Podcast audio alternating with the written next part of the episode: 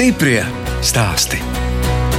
Kā jūs viņu saucat? Sulu māja. Sulnīca. Tas ir mūsu izdomāts nosaukums arī.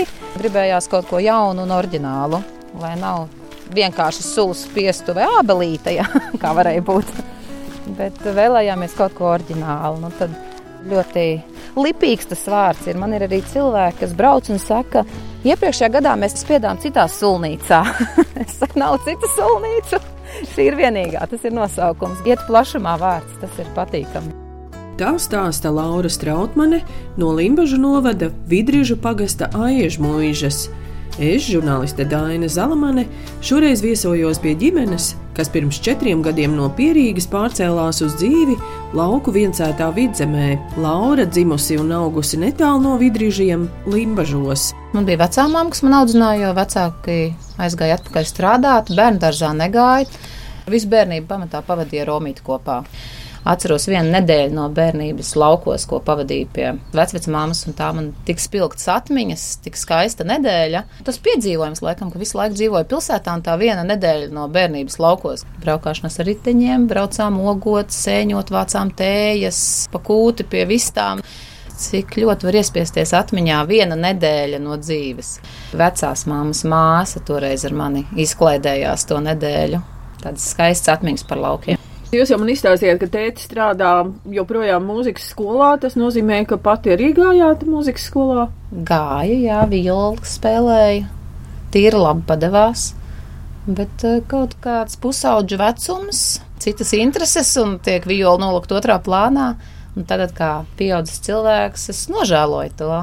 Man ir tāds kluss plāns, ka varētu varbūt aiziet pie skolotājas ciemos un patrenēties priekš sevis bet eh, laiks rādīs. Ko tad jūs darījāt? Dejojāt, Limbažos taču arī tautas dejas ir populāras. Bija arī tautas dejas, bija kori, Limbažu vidusskolu pabeidz un tad aizgāja Rīgā uz banku augstskolu.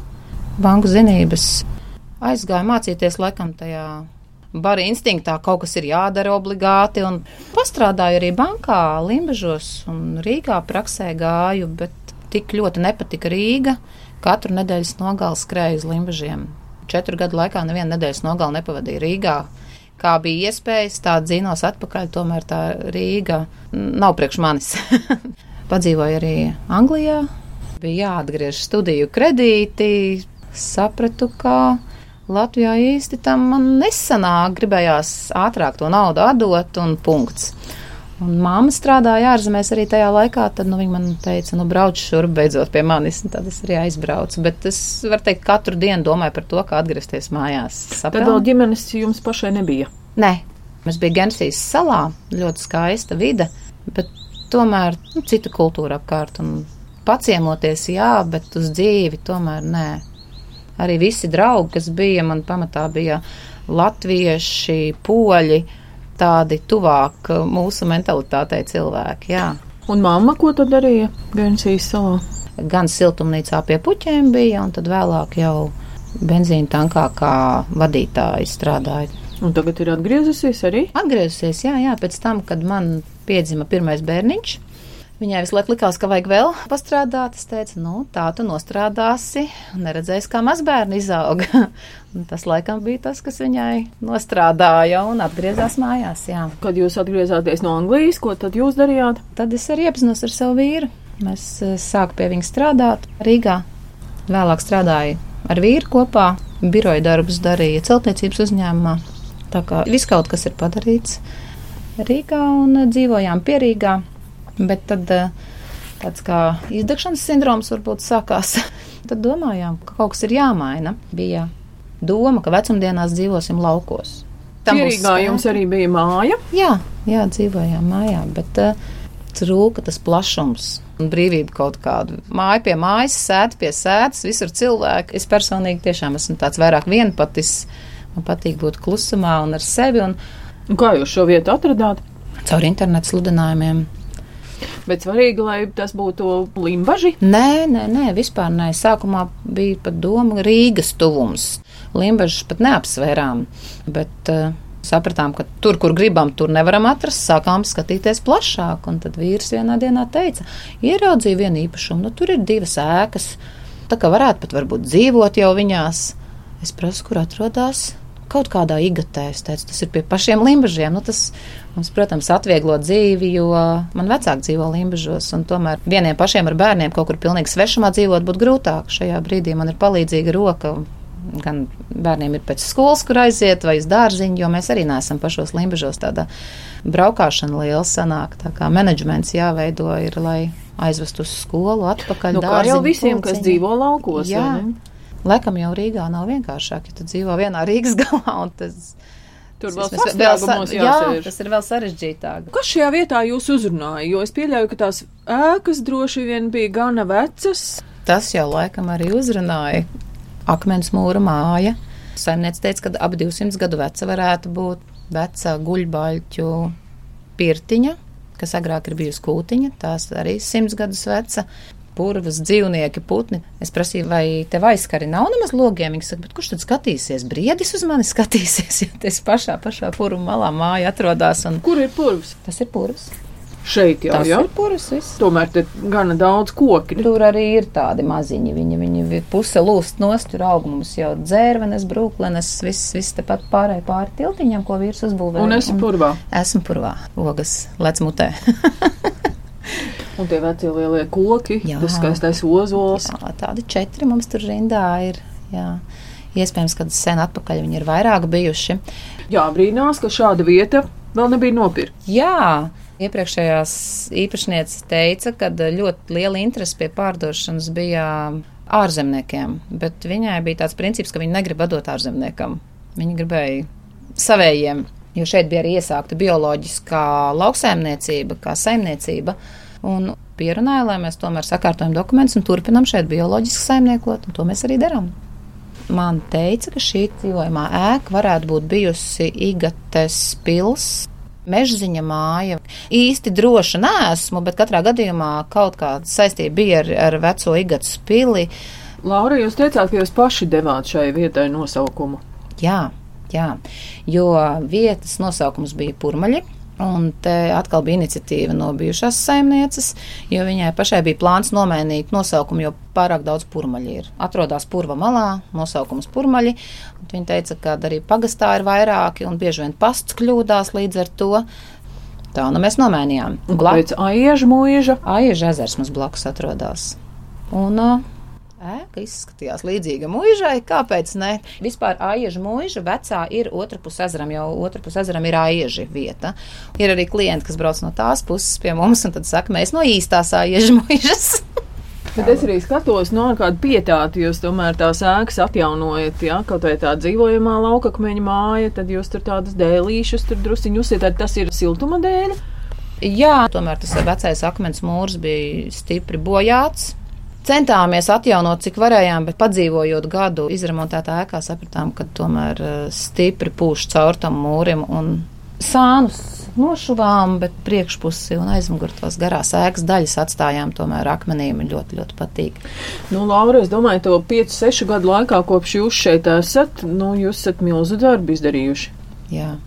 Lielākais paldies vīram, kurš visu domā, rēķina, ved. Nu, tas viss, protams, ir galvenokārt uz viņu pleciem, bet nu, tajā pat laikā es esmu tāds parūpējis par bērniem, par saimniecību, ko vēdrā ielikt.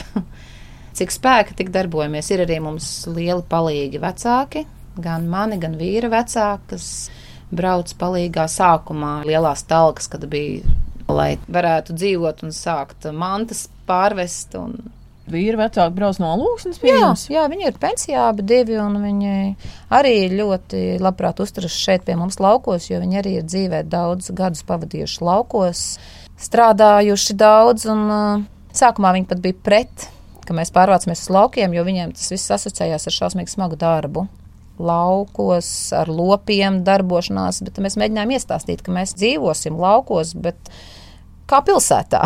Tādu apvienosim divu vienā. Stiprie stāsti.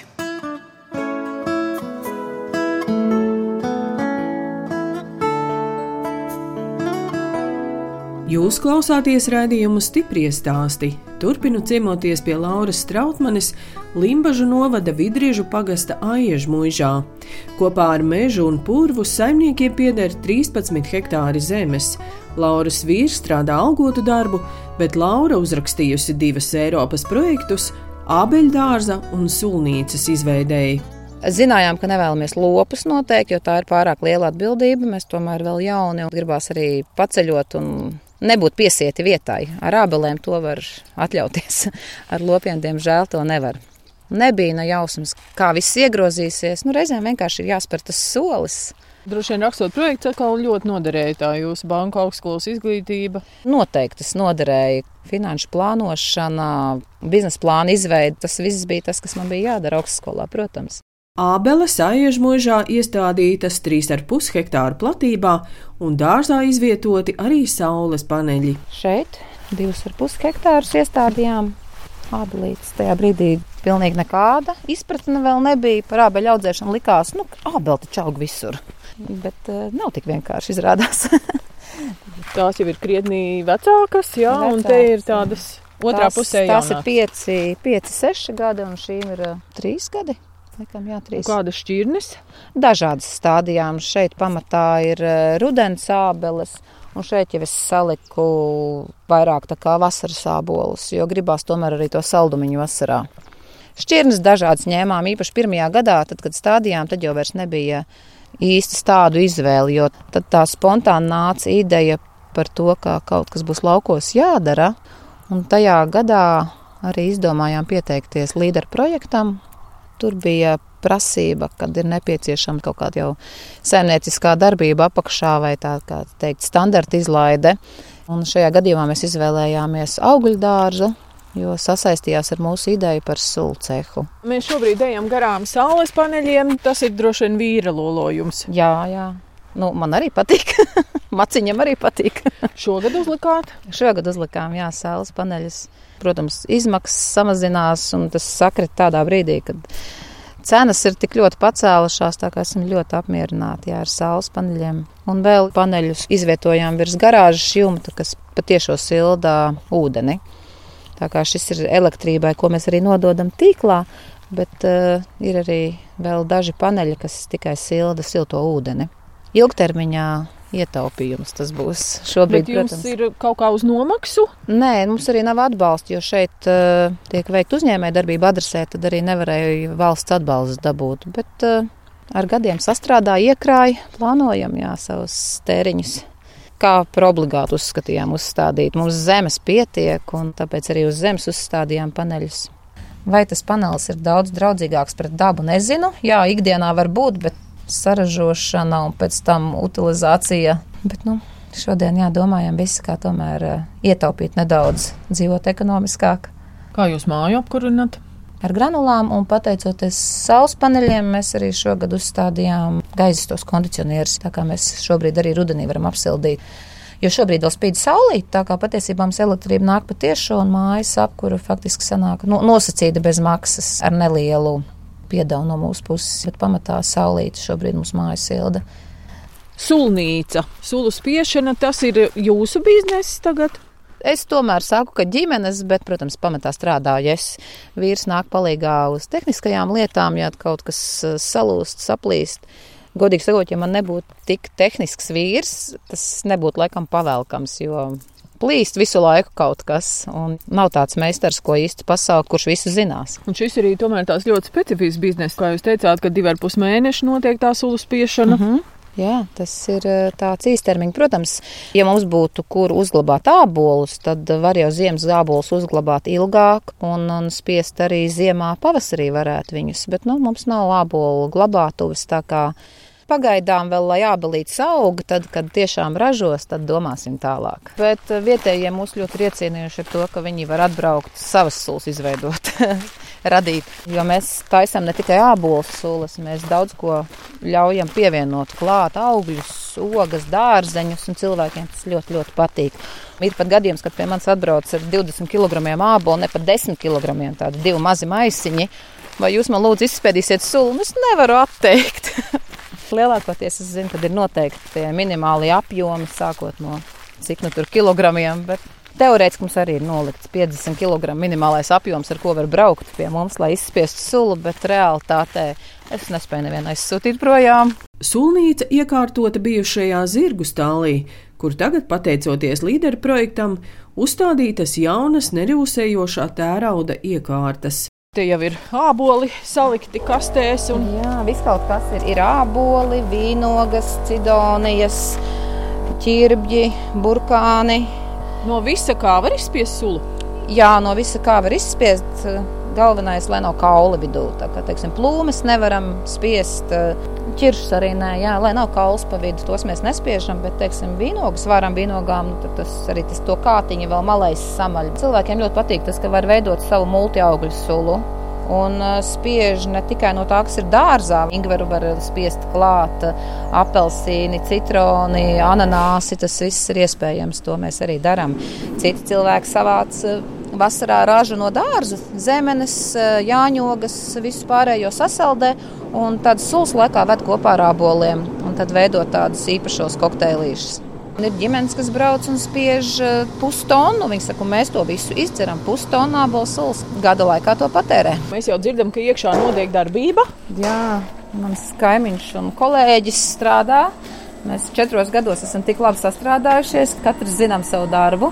Šī bija pirmā vieta, ko mēs remontējām. Šodien laikam tiek spiestas cidonijas. Jā, ja? skan, varam ieiet pasmaržot.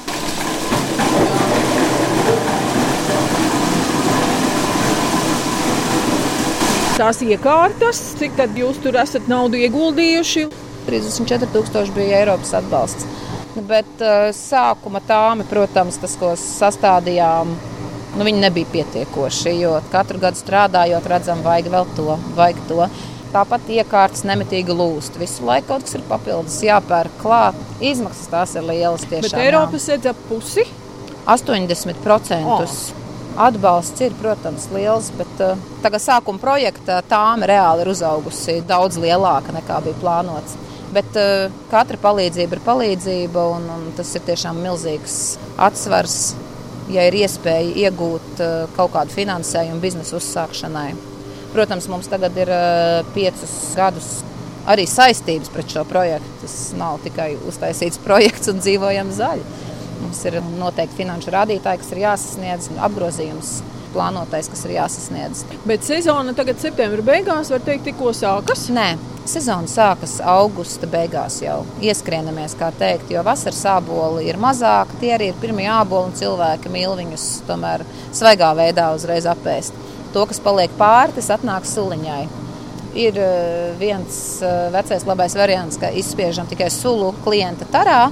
Citi vēl arī karsē paši mājās un pilda burkās. Tad arī vīnu ražo mājās, ko nu kurš jā. Bet aizvien populārāks kļūst mūsu piedāvātais pakalpojums, sulu izspiešana, karsēšana un pildīšana iepakojumos. Tā kā viņi ir hermētiski noslēgti, ar krāniņu, un to iepakojumu var lietot mēneša laikā pat pēc atvēršanas. Nu, jā, ļoti box. Jā, bagina box vai uh, pouču bags tās ar dekoratīvu abolīti virsū, ja tās stāvpakas. Tā kā ir dažādi veidi izgudroti un cilvēkiem tas ir ļoti ērti. Protams, sulas glabāšanās laiks ir ļoti atkarīgs no ābolu kvalitātes. Bieži vien mēs neredzam, kas tajā abolītī iekšā darās. Tāpēc klientam, kas ved, viņš pats ir atbildīgs par tiem aboliem, ko viņš ir atvedis. Lai viņi nav bojāti, lai nav iepuvuši. Ideālais variants ir, kad notīra visu no zālāja, un tad ābeli var nopurināt. Un tad salasa visus tos labākos izlases. Jo arī tādi, kas ir nobijuši zemē un ilgstoši stāvējuši, mēs jau arī nezinām, cik tas ābols vairs ir labs.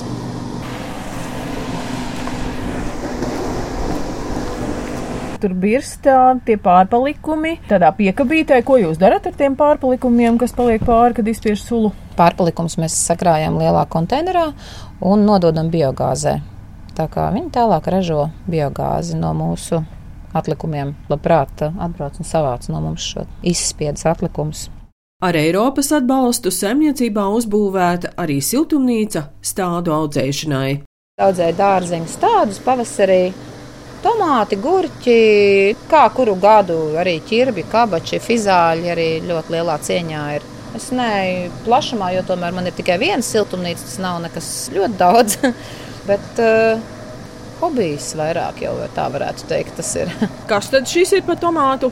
Es viņu pirku no saimniecības neslinko sēklas. Zirnīši saucās. Un, nu, tas arī zirņi Jūs izmērā. teicāt, pasaulē mazākais. Pasaulē tomātiņš. mazākais tomātiņš. Man personīgi ļoti patīk kolekcionāru šķirnes, jo viņas ir eh, saldākas, miltainākas.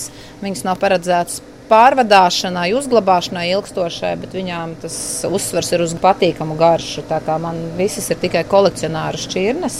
Viņi visi ir miltaini, sulīgi, saldi.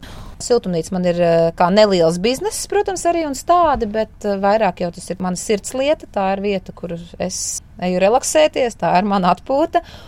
Un, uh, man ir liels prieks dalīties ar sēklu, ieteikt, parādīt. Un es arī saņemu tādu enerģijas apmaiņu. Tas ir tas mans pozitīvais lādiņš, kas dod to prieku turpināt un darīt vēl.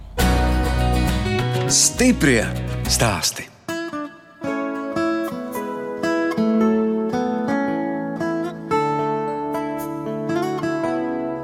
Jūs klausāties redzējumu stipri stāstī. Turpinu ciemoties pie Lauras Strautmanes, Limbažu novada vidriežu pagasta Aiežu muižā, kur aug abeļdārs un izveidota sulnīca.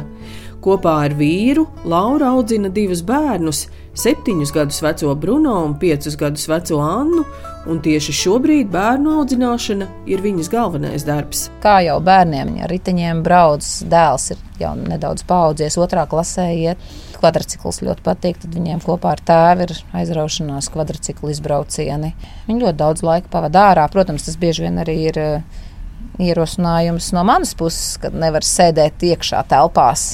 Bet, eh, kad iesāk dzīvoties, viņiem ļoti patīk ārā. Viņiem patīk nākt palīgā uz sulnīcu palīdzēt. Nu, viņiem arī ļoti skaists bērnu laukumiņš pašiem savs. Jā, bet bērniem laikam mazāk patīk tas bērnu laukumiņš, bet vairāk patiks tas, kas ir tētim garāžā. Ja atbrauc draugi, tad jā, tad tas laukumiņš tiek izmantots, bet pārējā laikā tomēr viņi atrod daudz ko citu, ko darīt. Jūs tur rādījāt to kopīgo zīmējumu, tad meitai patīk kaut ko zīmēt. Meitai patīk zīmēt, bet tas ir viss tādā sākuma stadijā. Viņa izmēģina iet uz dziedāšanu, paaugsies nedaudz, varbūt arī dejošanu vai kaut kādas vingrošanas. Skatīsimies, kas interesēs, kas patiks, ar kaut ko ir jānodarbojas.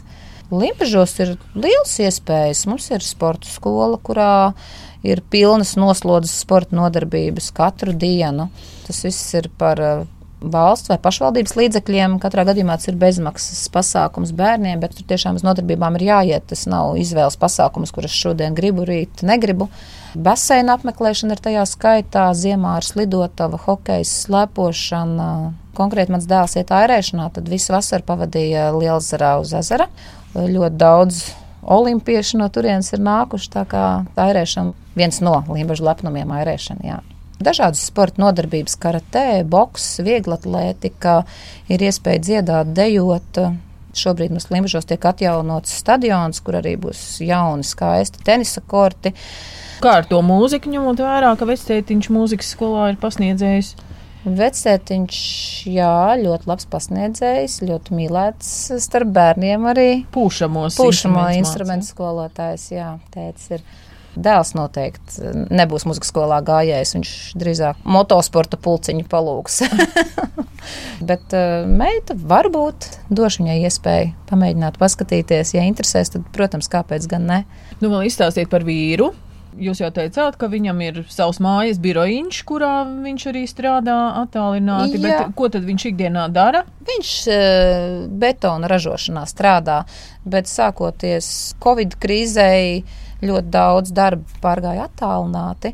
Tad izveidojām arī mājās nelielu biroju, no kur tad var strādāt. Un tad, kad ir nepieciešams, viņš brauc uh, uz Rīgu, uz biroju. Viņam ļoti patīk, ka viņš var tās mm, divas, trīs dienas nedēļā izbraukt ārpus mājas. Man to nevajag. Es varētu būt šeit un tikai šeit. Bijušajā kūtī tagad atrodas pirts, un terasē piepirts tiek pavadīts brīvais laiks. Te atrodas vairākas gleznas. Viena glezna nākas ir uh, mantojumā no, no šīs ēkas. Atradām kaut kur, nezinu pat cik sen viņa šeit ir bijusi, bet likās tāda ļoti saistoša.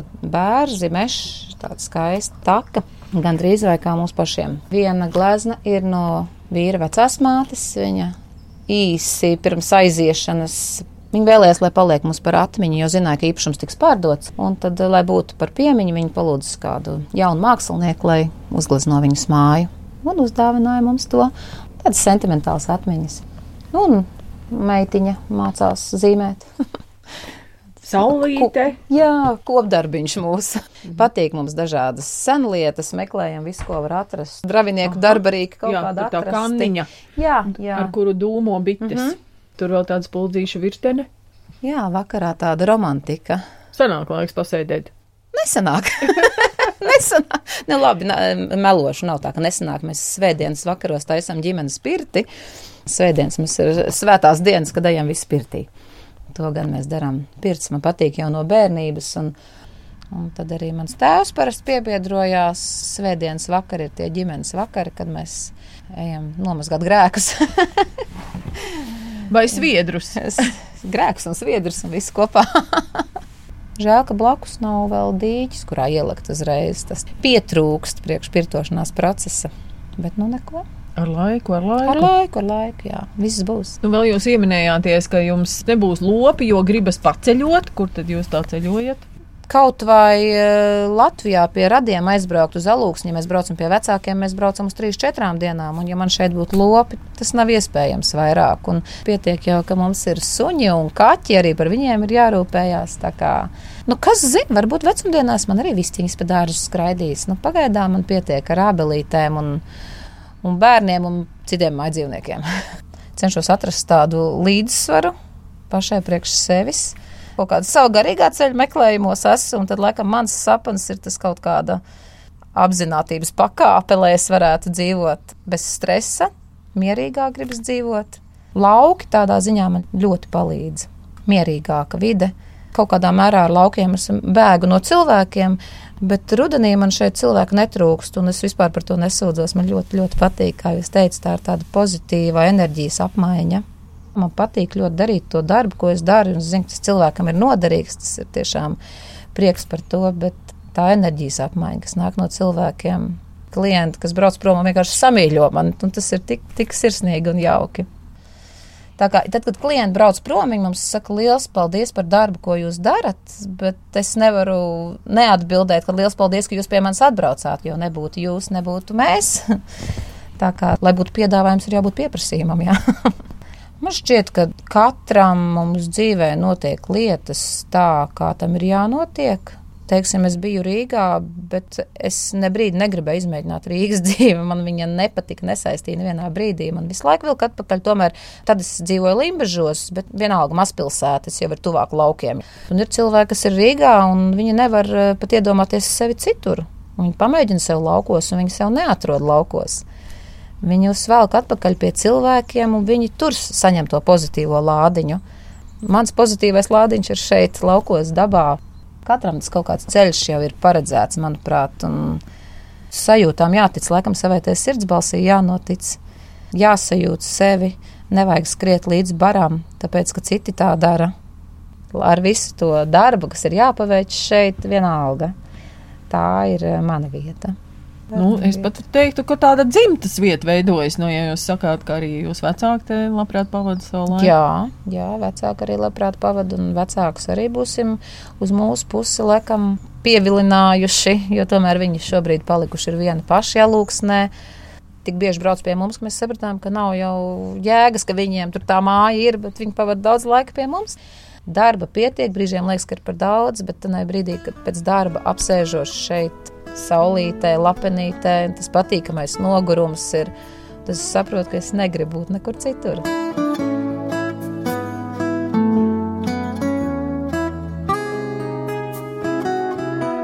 Raidījums stipri stāsti izskan, un mēs atvadāmies no Lauras Strautmanes, kas kopā ar ģimeni jau četrus gadus dzīvo Limbažu novada vidrīžu pagastā iežmuižā, audzē ābeles un sulnīcā spiež sulu.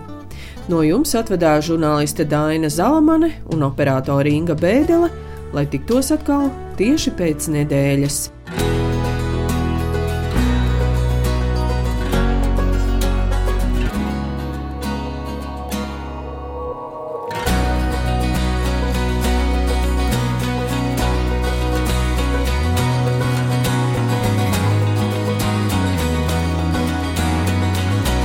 Stiprie stāsti.